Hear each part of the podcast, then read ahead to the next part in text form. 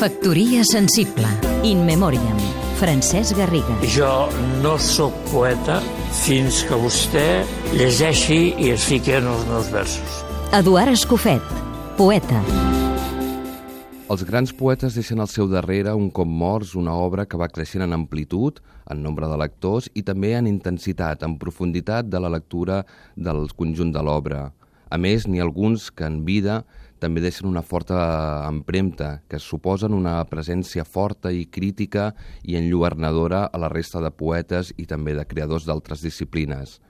D'aquest conjunt, n'hi ha alguns que encara aconsegueixen al final de la seva carrera connectar amb els més joves – aquest eh, grup reduït de poetes pertany Francesc Garriga, un dels grans poetes catalans del segle XX, redescobert, curiosament, per les generacions més joves del segle XXI.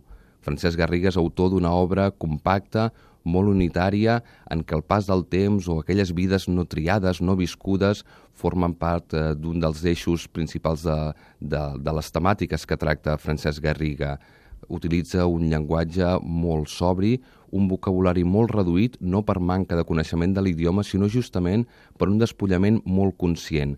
Francesc Garriga vol utilitzar una, unes poques paraules per anar molt lluny, per anar molt endins de la vida, de la, de la, del que suposa aquest viure de vegades eh, sense sentit i una mirada en el fons molt, molt àcida, però alhora també molt serena. I per acostar-se a l'obra, res millor que llegir un dels seus poemes. No tens més joventut que la que et deixen tenir. De vell, agafes el que et falta d'on pots.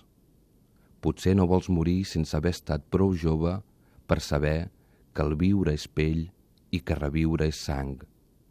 I deu haver, n'estic segur, més d'un culpable. L'atzar no t'ha permès culpar ningú. Francesc Garriga.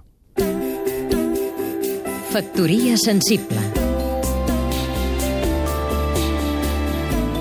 Seguim-nos també a catradio.cat.